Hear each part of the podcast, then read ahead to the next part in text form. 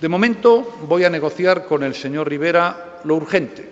Este es el primer paso de una larga caminata, pero ya vamos a hablar de cuatro temas importantes, uno de ellos los presupuestos. Nosotros, a diferencia de otros partidos, no bloqueamos, nosotros facilitamos que este país se ponga en marcha. Es por eso que vamos a mantener y vamos a defender esa posibilidad, con esa abstención, en la votación de investidura para que el candidato propuesto por el Rey pueda intentar formar gobierno, pueda ir a la investidura y pueda ponerse el país en marcha. Debemos buscar acuerdos para hacer frente a lo urgente y a lo necesario.